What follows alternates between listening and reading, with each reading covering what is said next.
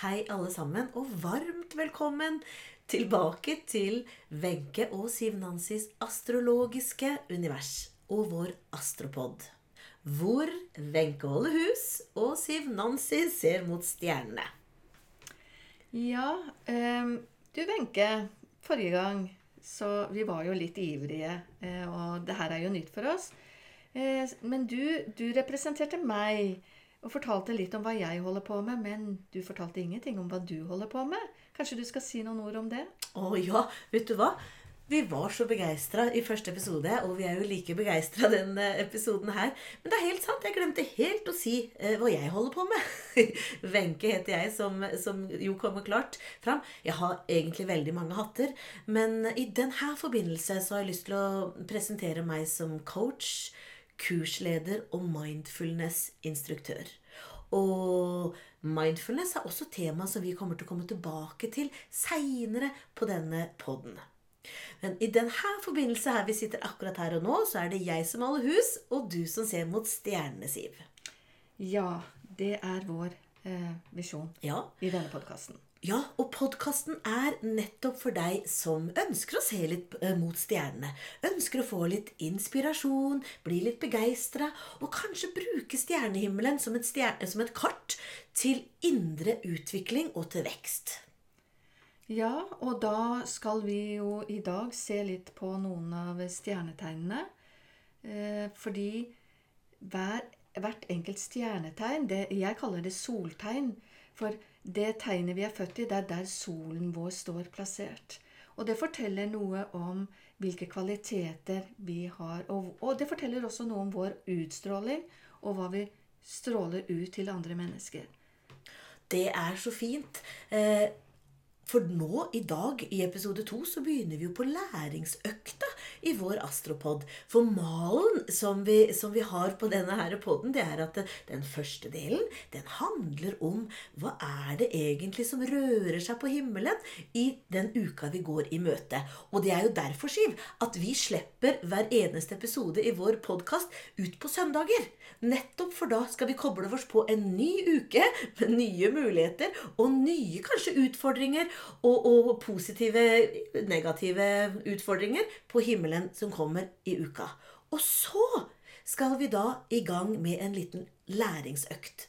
For astrologi, som vi snakka litt om tidligere også, det er jo et kjempe eh, domene. Det er så mye, og kanskje litt komplisert også, Siv?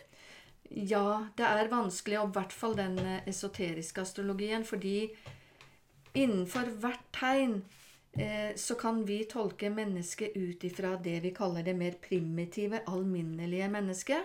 Også den, eh, på den andre siden det mennesket som er eh, kanskje koblet seg litt mer opp imot sin høyere bevissthet. Og da må vi koble eh, tegnet og personen og eh, det astrologiske kartet på en helt annen måte.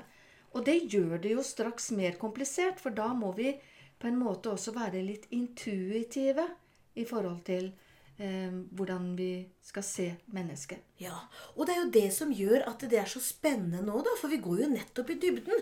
Og det skal vi fortsette med da etter, si, etter vi nå dykker ned i hva er det som kommer til at vi kan forvente å møte på stjernehimmelen i uke 43. For da går vi inn i, fra, eh, i datoene fra den 25.10. til den 31.10. Hvordan ser håper å si, stjernehimmelen ut i den perioden, Siv? Ja, eh, her vil vi møte eh, både noen spenninger, men også positive ting. Og sånn er det bestandig. Vi møter noen prøvelser, og så møter vi eh, noe som er litt mer optimistisk eh, og gledesfylt. Det jeg kan si, det er jo det at nå eh, begynner, eh, vil Saturn og Uranus eh, gå inn i et møte med hverandre. og det er tredje gangen disse to møtes. Ja, og, og hvilken, hvor lang tidsperiode da? De begynner, eller de møtes den 28. oktober, og så kulminerer det på sitt sterkeste faktisk på julaften. Det, Ja. Ja, Og når du sier det er tredje gang de møtes, er det tredje gang de møtes i år? De møttes eh, første gang eh, 17. februar i år. I et, nå snakker jeg om et eksakt møte. Og så møttes de 14. juni i år. Og nå skal de møtes eksakt da 24. Men de, de begynner et lite møte med hverandre den eh, 28. oktober. Men dette er noe da som vil intensiveres mot 24. desember. Ja, for Uranus og Saturn, det er store kjemper. Hva er det de representerer? Eh, Uranus, det er den som kjemper for friheten. Den er veldig sånn eh, eh, Litt sånn revolusjonerende. Den liker å bryte med det gamle. Eh, kan bli veldig opprørsk. Så har vi Saturn, som eh, står der og sier ifra du, eh, ro deg litt grann ned. Eh, frihet, vi skal kjempe for frihet, greit nok, men vi må ikke glemme ansvar. Så vi får en sånn ansvarsfrihetsproblematikk knyttet til disse energiene. Og det har vært gjennomgående i hele år. Ja, det har det jo når vi ser på verdensbildet og politikken generelt i, i, i verden, og også i, i Norge. Og hva vi har vært påvirka av i det siste året. Ja, og det er ikke bare gjennom eh, Uranus og Saturns Saturn sitt møte med hverandre som har da vært eh, for- eh, skjedd tre ganger. Vi har hatt en hvilepause nå i, i høst, faktisk. Eh, Men nå bygger det seg opp igjen. Men vi har også hatt eh, Saturn som har gått retrograd i vannmannens tegn. Og Uranus er hersker i vannmannen, så dette her har vært et gjennomgående tema i hele år. Eh, og det er sånn at man kjemper for friheten, men man glemmer noen ganger sitt ansvar. Altså man kan eh, føle på at man eh, Friheten blir begrenset, og så blir man litt sånn opprørsk i forhold til det. Ja.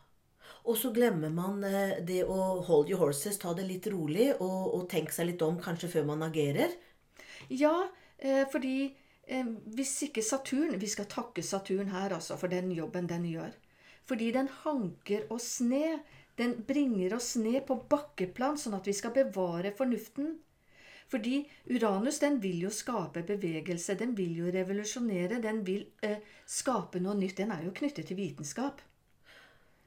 Eh, men, eh, men hvis ikke Saturn hanker den ned, så vil man eh, Og det er jo et lufttegn, vannmannen.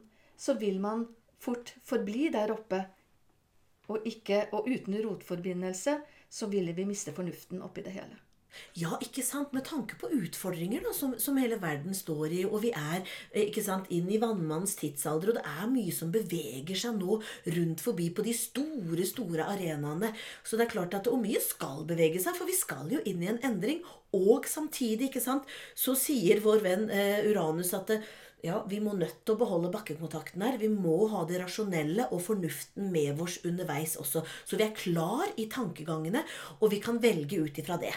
Ja, helt klart. Eh, Og dette her kan man jo se på som en eh, prøvelse ved overgangen til den nye tiden, som jo nettopp er vannmannens tidsalder. Så dette er jo utrolig spennende. Og det som er spennende, er jo at Saturn eh, også er hersker i vannmannen. Sånn, og den er hersker ved en overgang. Nettopp for at man ikke skal miste bakkekontakten. Ja. Ikke sant? For det er ment at vi er på vei inn i en overgang. Og vi skal se på systemer. Det er mye som kommer til å være i endring. Og så er det viktig da å ha beina på jorda og beholde fornuften og det rasjonelle. Så vi ikke mister oss sjøl underveis. Og det er jo et ordtak som heter å kaste eh, barnet ut i bade, med, med badevannet. ikke sant? At vi, vi bare Alt går ut i kaos. Og vi trenger, vi trenger det som skjer nå, fordi at eh, Uranus den hjelper oss til å frigjøre oss fra det rigide i samfunnsstrukturen. Rigide holdninger. Eh, fordi når vi går inn i vannmannens tid, så, så får vi en helt ny bevissthet. Vi beveger oss fra å ha vært veldig selvbevisste til nå å bli gruppebevisste. Og da skal vi begynne å tenke på helheten og hele menneskeheten. Og da må vi faktisk også lære oss å samarbeide. Oi. Ja, det hørtes veldig, veldig fint ut. Mm. Mange Og det som skjer i verdenssamfunnet nå, uten å gå for mye inn på det, vi blir tvunget nå til å samarbeide. Fordi det er noe vi må fremover. Ja. Og jeg tror det er så veldig mange sjeler der ute som, som er våkne, og som nettopp tenker at det, det er samarbeid som er nøkkelen. Mm. Og her får vi da drahjelp fra, fra, fra jeg håper jeg, stjernehimmelen.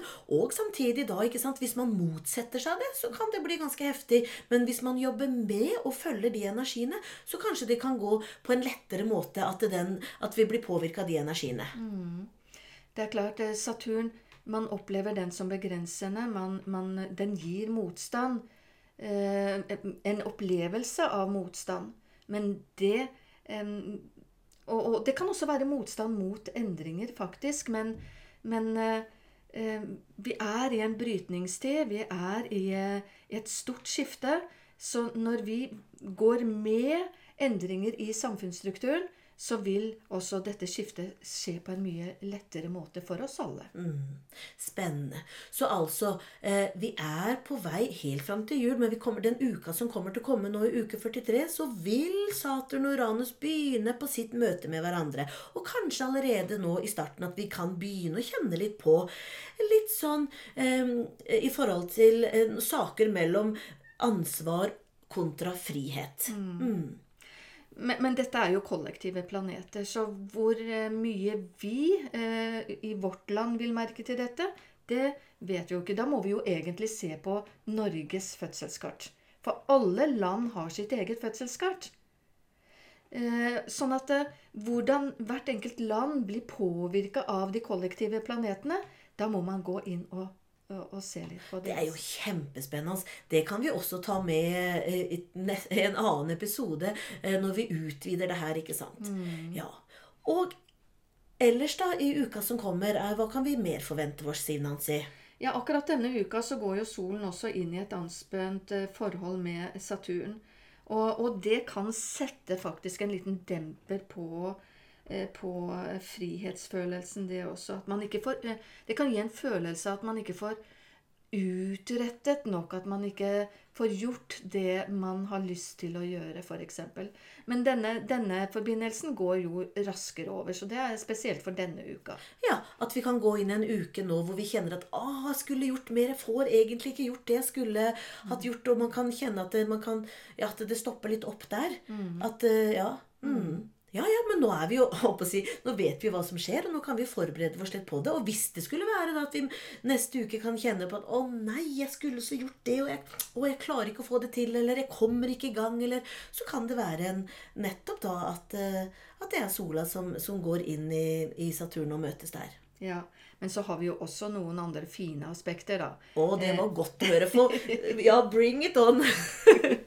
Og det er jo Jupiter. Den står i noen ganske positive posisjoner med både Venus, eh, Mars og Merkur.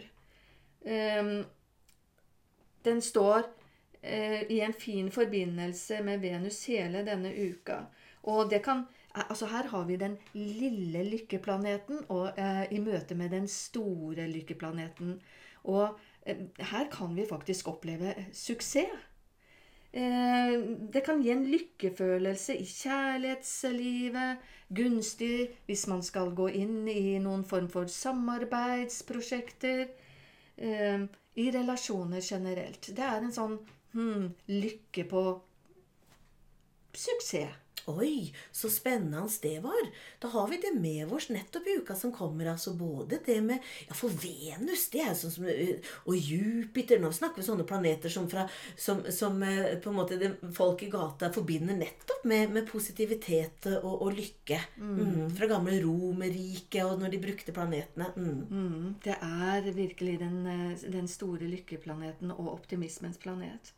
Og så danner den Eller den, har, den står i et, en fin forbindelse med Mars, og det har den gjort siden 9.10., og det vil den gjøre eh, frem til 28.10. ut denne uka eller deler av denne uka. Og eh, her får vi kontakt med en økende selvtillit. Å, oh, så i tillegg da til uka som kommer, at vi kan kjenne på, på lykke i, og, i, forhold til kjærlighet, og at det kan være og, og god energi i forhold til samarbeid, så vil vi også kjenne på at, ja, at selvtilliten også kan øke. Mm. Og så har vi dens fine forbindelse med Merkur, som er eh, gunstig hvis man driver med formidling, undervisning, i forretningslivet.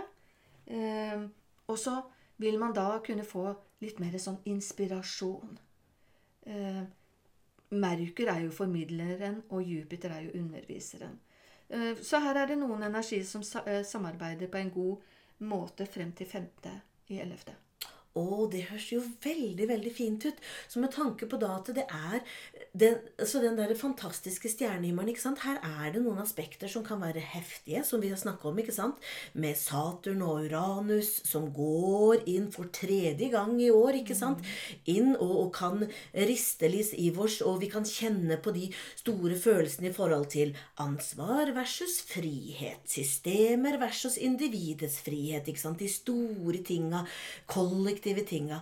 Og samtidig da ikke sant, så går vi inn i en uke hvor vi kan kjenne på, på selvtillit, eh, kommunikasjon, foredrag, inspirasjon og samarbeid og kjærlighet. Ja, og, og det her er mer de, eh, det vi kaller de indre planetene. Så det, det påvirker oss mer som personlig. Mens de, de ytre planetene, Saturn og Uranus, det er noe som påvirker hele verdenssamfunnet. Men så er det jo helt opplagt at eh, hvordan disse planetene treffer våre egne personlige horoskoper med eh, det vi kaller transitter, eh, det, er, det vil være avgjørende for hvordan vi reagerer på det. Ja, ikke sant? Mm. For det er komplekst, ikke sant? og det, alt henger sammen. Men jeg syns det er så fint når du sier nettopp de ytterplanetene eh, kontra de indre planetene. ikke sant? Mm. Og det skal vi også snakke om eh, seinere også, for det er klart, noe går på det kollektive veldig spesielt, mens andre går da på det indre. Mm. Så veldig kort oppsummert da på de indre, de indre nære planetene som kommer da, som er Vi påvirker oss til, til, til uka. Så der har vi jo da eh, lykke, selvtillit, inspirasjon, samarbeid som kan være positivt. Mm. Mm.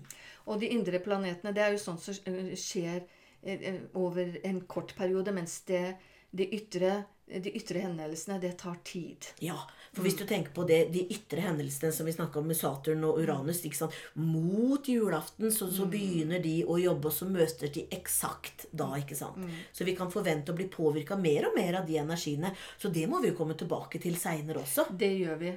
Eh, mm. Veldig bra. Nei, men Da har vi jo tatt et, et, blikk mot stjernehimmelen nå til neste uke, den uke, uke 43, Siv Nancy. Ja. Og da er jeg jo så spent, for det er jo nå i denne episoden vi skal begynne med læringsøktene våre. Eh, og, og, som vi snakka om sist gang, og sånn, så, så, dykker vi ned nå Vi starter med eh, stjernetegnene til mennesket. Og, og, da tenker jeg da Alle vet at man er født inn i et stjernetegn. For det, det, det får vi jo vite fra vi er små, om vi er tyr eller vær. Eller, Men hva er, hva er det egentlig stjernetegnene er? Stjernetegnene de forteller noe om våre eh, kvaliteter. Det er det tegnet vi ble født inn Altså sånn som planetene sto plassert når vi ble født. Og da ble, vi født inn med et soltegn. Altså det beskriver vår eh, individualitet. Altså hvem vi er, hvordan vi stråler ut, med hvilke kvaliteter. Alle tegn representerer ulike kvaliteter. Fra det mest primitive til eh, eh, åndelighet. Eh, fra å eh, Ja. Eh, det primitive mennesket. Det er derfor vi går gjennom dette astrologiske hjulet år etter år, liv etter liv. Altså, eh, det er for å utvikle disse kvalitetene som hvert tegn representerer. Ja, for det er sånn som du sier, Siv, at hvert enkelt stjernetegn har kvaliteter som vi også skal utvikle i oss sjøl. Så det er ikke bare at siden jeg er født i tyr, så skal jeg bare være, ha tyrens egenskaper. Absolutt ikke. Eh, du har, eh, du har jo krepsascendant. Eh, og så har du månen din plassert i Vær. Væren, mm. ja. Så der har du med en gang tre tegn som blir veldig sånn eh, tydelige for deg. Og det er det som er så spennende, for når vi har gått gjennom zodiakken, som det heter nå, hele kretsen med stjernetegn, så kommer vi også til å gå videre i læringsøkter framover i forhold til hva er det å ha en ascendant, og hvilken påvirkning er det, ikke sant? Og hvor har vi månen, og hva påvirker det oss med? Og sånn begynner jo tegna å, å, å, å henge sammen, ikke sant? Til vår person. Og hvis man eh, eh, Altså, det astrologiske kalenderår, det begynner jo i værens tegn. Eh, ved vårhjemdøgn. Det er egentlig det vi kaller eh, Hva skal jeg si eh, Nyttårsaften for det astrologiske kalenderår. Det er der det starter. Det er nytt år. Ja. Så da, og da passer det jo veldig veldig bra nettopp nå da når vi skal gå og dykke ned i de seks første tegna som vi rekker i denne her episoden. ikke sant? Da starter vi jo nettopp med væren, da, selvfølgelig. Og væren, ja. Væren, det, er, det, står da for en, en ny begynnelse. Det er der våre tankefrø eh, springer ut. Det er der den første gnisten eh, av en tanke oppstår. Det er der faktisk vår, vår gnist eh, fra vår opprinnelse eh, startet. Og du vet, væren er knyttet til dette med energi, og det krever mye energi når noe på en måte blir tent. Ja, jeg kjenner noen værer, og ja, de har masse energi. Ja. Så det er noe som er karakteristisk for det tegnet. Veldig karakteristisk. De har vilje, mot, eh, handlekraft. Eh, de er jo, det er jo et konkurransetegn. Eh, Så, så eh, De liker å være først. Ja. Eh, men, eh, men de har jo denne viljen sin. Det er jo eh, eh, Hva skal jeg si? Hva skulle vi ha gjort uten viljen? Nei, det er jo viljen som setter ting i gang. Ja. Alt må jo starte et sted, som du sier, Shinansi. Og der er væren en, en, en virkelig en sånn igangstarter, da. Med nye ideer, og setter det ut i livet. Og, og har masse kraft for å, å komme i gang med ting. Og eh, hvis man tenker da eh,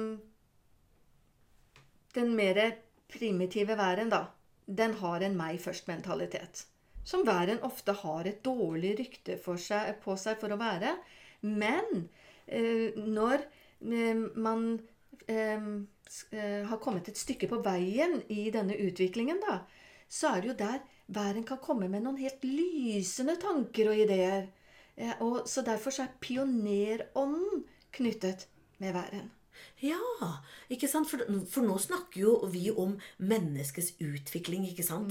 For vi er jo på forskjellige utviklingsstadier innover i, i selvutviklingen, og også faktisk i forhold til eh, hvor mange liv vi har levd, og hva vi har utvikla gjennom mange inkarnasjoner, ikke sant?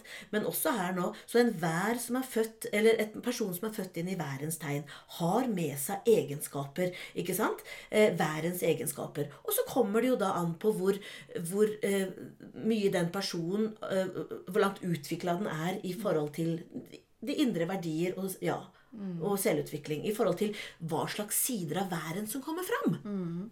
Helt klart. For væren er jo krigersk. Den er jo krigeren. Ja.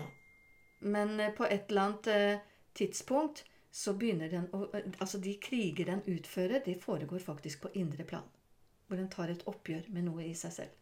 ja. Men det skal vi også komme tilbake til senere. Eh, vi kan jo fortsette til neste tegn. Ja, for da vi tenkte å oppsummere da. Væren, masse energi. Og jeg også, vi, som vi også vet i forhold til væren, så, som, som eh, du også forteller, Siv, så har de gjerne masse power, masse krutt, og litt sånn ung energi med seg. Ungdommelighet er jo noe som kjennetegner det, eh, kreps, eh, Nei, krepsen, sier jeg. Eh, væren. Ja, Den er veldig eh, Den er så ildfull. Det er jo et ildtegn. Det er et maskulint ildtegn. Så den har masse energi. Eh, Og den er livlig, eh, og den er god, veldig god i sport. Eh, Ja, for da kommer konkurransen inn, ikke sant? Konkurranseinstinktet og det å ønske å være og er veldig kjapp. Ja, men, men den er så fysisk. Så den trenger å være i aktivitet. Ah, Så derfor så er eh, ofte væren veldig, veldig aktiv eh, som person. ja. Ildfull, aktiv, trenger og ønsker å være i aktivitet, eh, kan komme med lysende ideer og sette i gang prosjekter eh, på sitt beste. Ja. Eh, og de tankene som kommer til væren eh, i, eh, som en sånn lysglimt, den kan det være lurt å følge. Som kommer intuitivt. Den kan det være lurt å følge. Oi. Spennende vær. Ja. Ja, For det er tross alt pionerånden som blir eh, født eh, Altså som er knyttet til Ja. Mm. Å, ja, så fantastisk. Nei, da forlater vi væren. Wow. Og så går vi videre inn i neste tegn, Siv. Ja, da kommer vi til tyren. Eh, Og nå går vi fra ild til jord. Det mer jordnære. Eh, Tyren er jo kjent for å være tålmodig, eh, stabil. ehm, Men det er også et tegn som er knyttet til våre sanser. Ja, for det, jeg er tyr. Og jeg, øh, og, og jeg kan huske når jeg var liten, tenkte jeg liksom den der tunge tyren, så tung og stabil, og jeg syns den hørtes litt kjedelig ut. Ja, men vi trenger den stabiliteten, fordi det som er med tyren, det er den er god på å manifestere. Den, eh, den er glad i naturen. Den liker å, å sette ting i jorden for å se ting være i vekst mm. og utvikling. Så den er, dette med å manifestere er den veldig god på. Eh, og det skal sies at eh, det blant tyrer finnes veldig mange med god økonomi. Fordi de, de tar den tålmodigheten, og de bruker den tid eh, det tar å eh, gi liv til. Det hørtes veldig positivt ut for en tyr. ja. Og det med sanser, ikke sant? Det der med å, å nyte, å være i nuet, i sansene. Nå tenker jeg på Ferdinand som ligger, tyren Ja. Ferdinand som ligger og, og dufter ikke sant, på blomstene. Det er typisk tyr. Det er så typisk tyr. Um, men sanser, ikke sant, også drifter og begjær er jo også knyttet til, eh, til eh, tyren. Um, den er veldig den, den liker Den må få tilfredsstilt sitt sanselige liv. Eh, og, men det er jo nettopp drifter og begjær det er de som får oss til å søke mot nye erfaringer.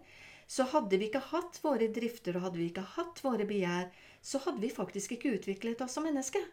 Nei, kanskje sant. Ja. Ikke sant? Og så er det vel kanskje sånn som vi snakker om generelt, da, at et, men, altså, et menneske Hvis man er på det mest primitive i, i skyggene sine, så kan den ene motvekten her kan jo være da at man blir styrt av egoet og driftene og begjæret og kun seg sjøl. Men så har vi den andre siden, da, hvor man nettopp kan bruke da driftene, begjæret, sansene til utvikling og til, eh, ja, til opplysning.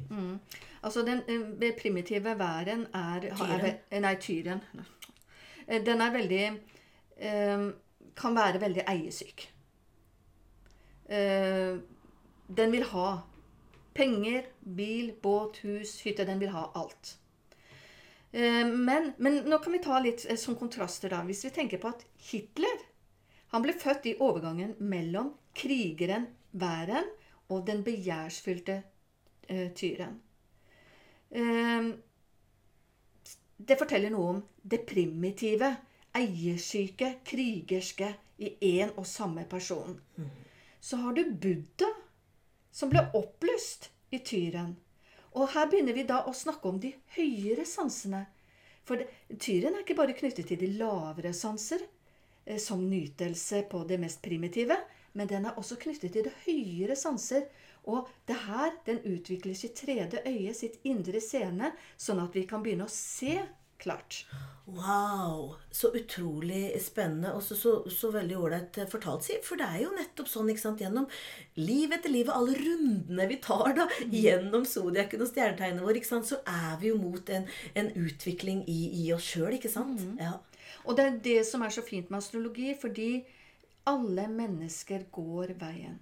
Vi alle går veien. Og når vi eh, tenker på at vi har utviklet oss alle sammen fra det primitive til å bli mer eh, eh, Hva skal jeg si utviklet eh, rent åndelig, da. Mm. Veldig spennende. Så der har vi tyren, da, som med sin tålmodighet, og, og med, hvis han styrer det her i ritt- riktig retning med både sansene og driftene og begjær og, og ønske og, og den jorda aktiviteten som gjør at man har den der gode tålmodigheten, så kan man faktisk manifestere ganske så mye her på moder jord. Mm. Og det er jo nettopp det at den, den elsker å se, akkurat som eh, blomstene vokser opp av jorden og blir noe, ikke sant? Wow. Og hva blir det? Eh, Ja, hva blir det? Mm. Så bra. Da har vi gått fra vær til tyr, og da beveger vi oss videre, Siv Nancy. ja, og da kommer vi inn i tvillingens tegn, og nå er vi inne på luft. Nå er vi inne på luft. Ja. Hva er det tvillingen karakteriseres av? Kommunikasjon og formidling. Den er eh, alt som har med kommunikasjon å gjøre, alt som har med eh, formidling å gjøre. Kjøp og salg, eh, transport, det er sånne ting som hører tvillingen til.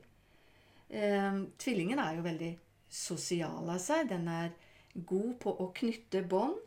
Eh, den er også veldig god på å innhente data og informasjon. Og det den eh, ønsker å gjøre, er å formidle dette videre til andre. Jeg vet om flere tvillinger, og de er f.eks. ekspert nettopp på data. Og de bare leker med med én ting, hele, ja, med nett og data alt sammen. Og så er de, som du sier, veldig flik, dyktige dyktig til å, å kommunisere. Og, og være sosiale. Ja. Ehm, de kan også altså dette med, De er veldig sosiale, og, eh, men de kan også ha litt sånn mange gjøremål på én gang, da. Eh, så de trenger å hente inn eh, litt av det. Men, men tvillingen også, det er eh, eh, forbundet med dette med kunnskap. Eh, og eh, kortere utdanning, faktisk. Ja, Så tvillingen står for kunnskap og formidling. Og, og det å være aktiv og sosial. Og så tenker jeg, og så har vi jo da den på en måte, Hvis det er en mer litt den primitive tvillingen, da, hva er fellene der? Eh, Det er jo nettopp det at de, de, de innhenter for mye. Altså det blir for mye. De er eh, overalt.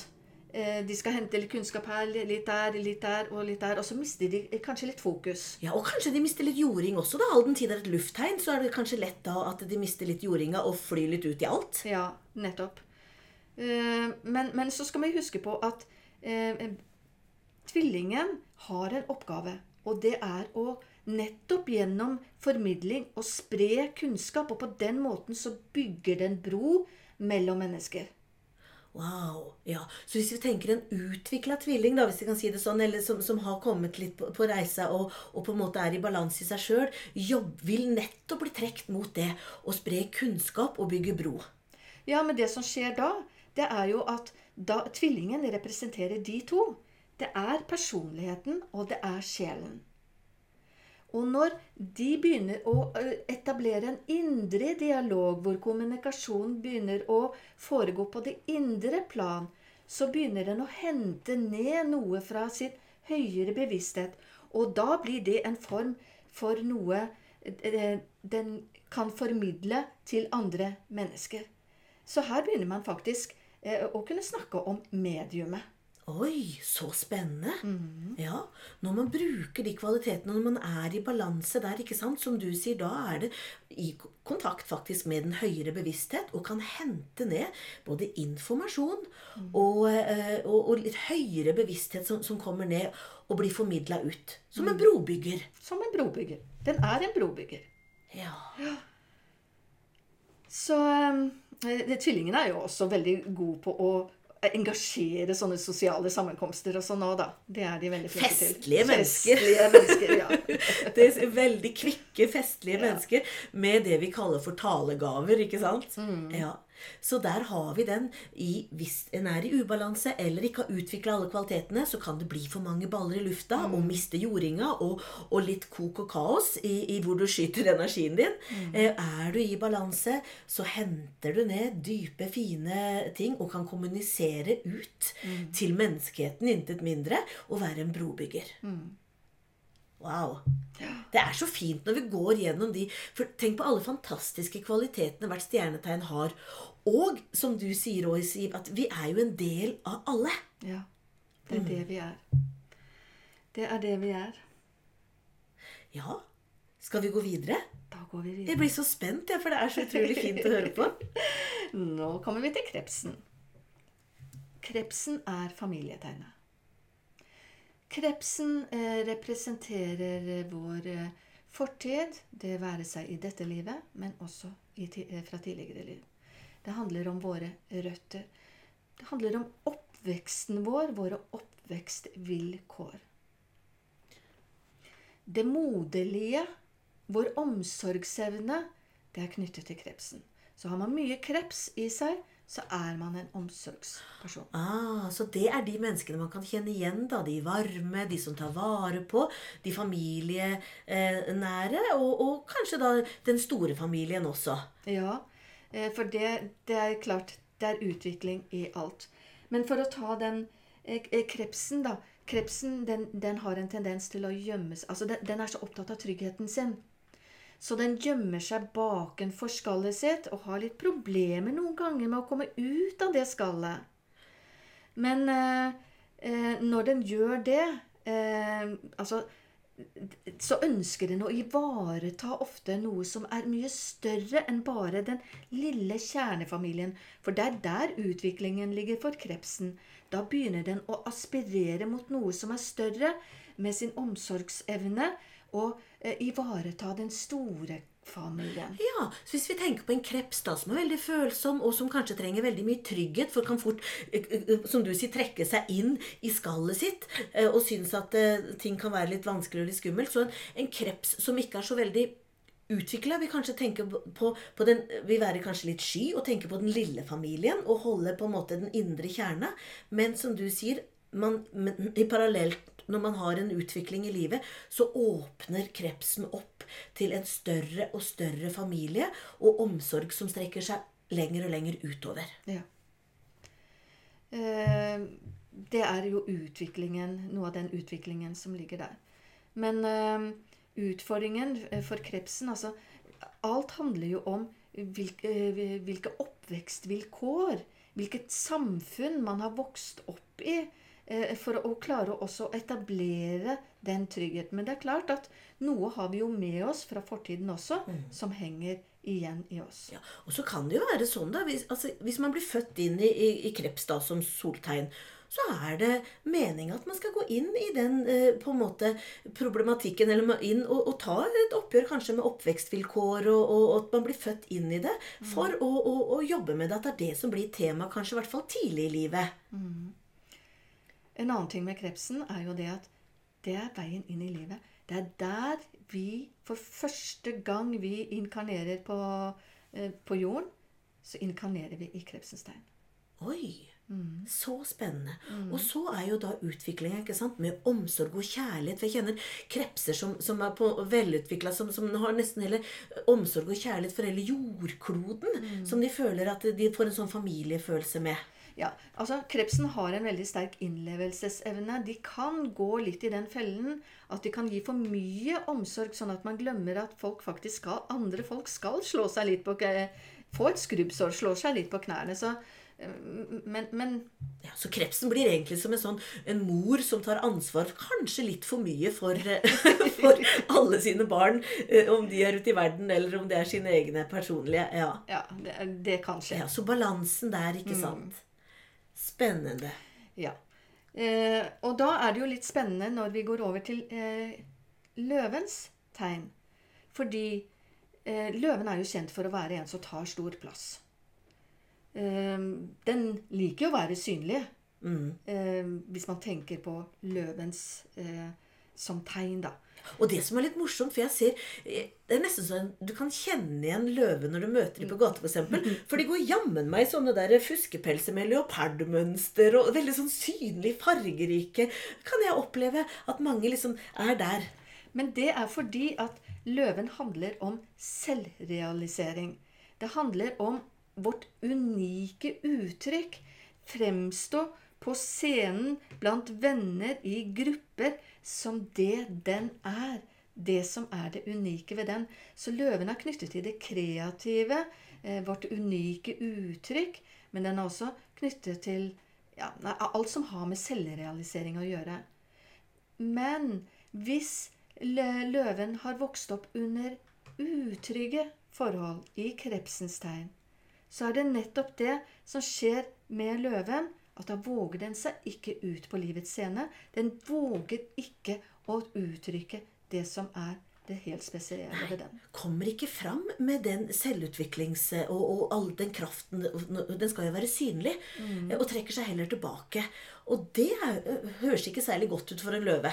Nei, og derfor så føler mange løver seg også litt misforstått da, når de, man tenker på at å, alle er så selvopptatte, og alle eh, vil, er så synlige, men, men, alt har avhengig av hva som har skjedd i krepsens tegn, faktisk. Ja, mm. Så en løve på en måte som, som er litt i, eh, i, ubalanse, eller skyggesidene til løven, at den trekker seg tilbake og føler seg misforstått og, og ikke kommer fram. Og, og, fordi at løven da i positive energier, som det er meninga når utviklinga skal gå sin gang, at den skal komme fram og kunne være ledertype og være den som tar ansvar, men også den som tar håper å si ansvar for flokken sin, og, og, ikke nødvendigvis være så ego og sitte på toppen, men, men, passe på at alle har det bra i flokken, og tør å være synlig.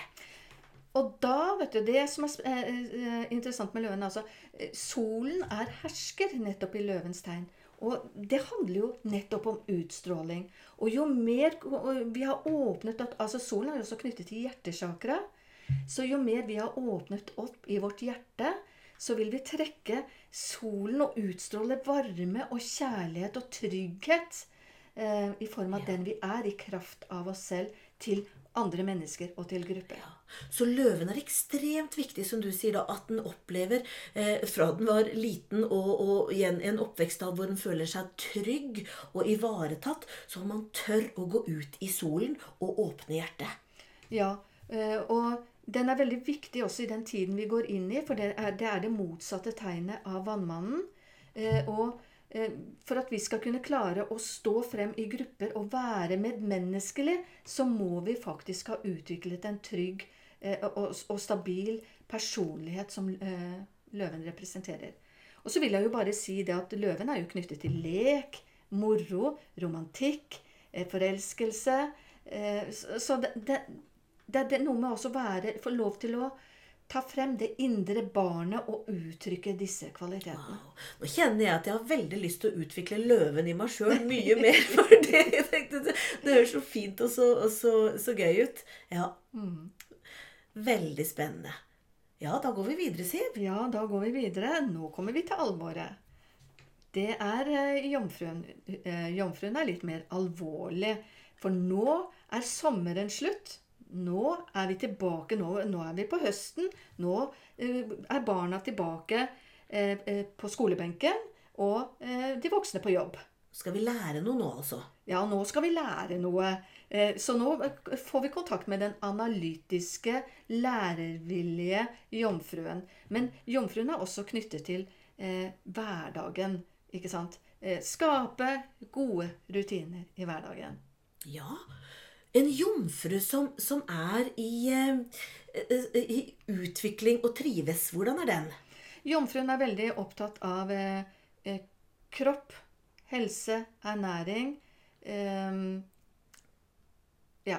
Eh, det er jo i jomfruens tegn Altså, man snakker om en jomfrufødsel. Det er i jomfruens tegn man faktisk går svanger med det man ønsker å skape. Altså sine sjelelige kvaliteter. Ehm, så de ideene Hvis det er noe man ønsker å gi liv til, så er det via jomfruens tegn. Men jomfruen er jo veldig kritisk. Eh, det, altså, hun er veldig sånn ehm, Det hun gjør, er ikke bra nok. Det er ikke godt nok.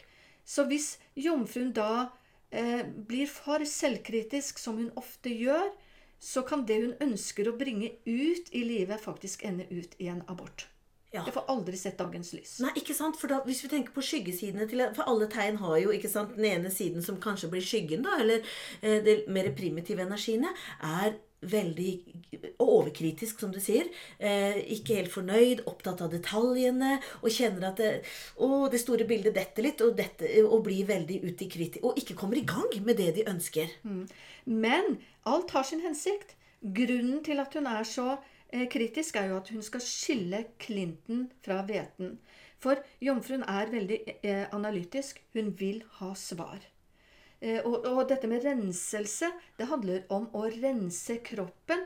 Eh, rense ut gamle tanker, følelser, eh, sånn at sjelen som har bolig i jomfruen, skal få de beste vekstvilkår. Så det er det det egentlig handler om. Så da en, en jomfru som er i, i balanse og i, og, og, ja, og i står, står i balanse i seg sjøl, hvordan vil vi oppleve denne jomfruen? Eh, ja eh, Jomfruen er jo et tjenesteytende tegn. Eh, hun ønsker å stå til tjeneste for andre mennesker. Men det hun skal se opp for da, er ikke i offerrollen. Men du har jo sånn Mange av disse her Maria sies jo å ha hatt eh, jomfruenergi. Jesus, hvis man skal trekke frem det, han hadde en jomfruascendant. Så det viser noe om at det er et, et, et, tegn som ønsker å bringe noe ut og stå til tjeneste for menneskeheten. Oi, så en jomfru altså i balanse. vil ønske da å, å ha skilt hveten fra klinten, som du sier, og finne ut essensen her, og ønsker å bringe det ut til menneskeheten. Ja. Ja. For jomfruen er faktisk forbundet med vannmannen via en felles planet som de har som hersker på ulike plan, Uranus. Så hun ønsker å stå til tjeneste eh, for menneskeheten eh, som det vi kaller faktisk en verdenstjener. Men det er også sånne ting som vi skal komme inn på etter hvert. Så spennende, for det vi hører nå, har vi jo gått igjennom eh, de tegnene som vi rekker på denne episoden i dag, Siv. Og tenk på alle tegn. Jeg å si, det er ingenting som er tilfeldig i noen av tegnene. ikke sant? For alle henger sammen, og alle er delpersonligheter i vårs også. Eh, og samtidig, det tegnet vi ble født ned i, er jo det som sola skinte ned, som er hovedtegnet vårt. Og så, så er vi på reise og henter energi fra de andre tegnene år etter år. Mm. Det jeg vil anbefale, da, det er for at man skal gå eh, gjennom en sånn selvutvikling på en eh, ja, eh, god måte, da, rask måte. Eh, eller eh, det er å jobbe aktivt med hvert enkelt tegn eh, når solen går inn i et nytt tegn. Ja. Det vil sette fart på egen selvutvikling. Og det skal vi jo gjøre framover, for vi snakker jo nettopp om eh, i poden her, ikke sant, hvordan det ser ut på himmelhvelvinga når solen går inn i de forskjellige tegnene. Ja. Og jeg gleder meg til, eh, eh, til neste episode, og jeg gleder meg til neste gang solen går inn i et annet tegn. Og til neste gang når vi skal fortsette med resten av zodiaken, Siv Nancy. Ja. Det gleder jeg meg også til. Um, og da tenker jeg vi er egentlig nok for i dag. Ja. Jeg tror det, det, det kan være fint at vi lar nå eh, folk får muligheten til å la dette synke inn før vi fortsetter reisen videre. Det tenker jeg også. Ja. Og i mellomtida, da, den uka som kommer, så kan man kose seg litt med de indre planetene. Med litt kjærlighet, med litt lykke, og med litt samarbeid og godhet. Eh, når den store himmelhvelvinga går sin store, store bevegelser, så kan vi kose oss med det, det lille fine. Ja, og så kan vi møte de utfordringer som det kollektive eh, gir oss, med aksept og ikke motstand. Der sa du For det. da går veien så mye lettere. Da går veien så mye lettere når ikke vi kjemper imot. Ja. Og med det så takker vi for denne gang, vi, Siv Nancy. Det gjør vi, og vi ønsker dere alle sammen en riktig god uke. Det gjør vi. Ha det godt så lenge, så snakkes vi neste søndag.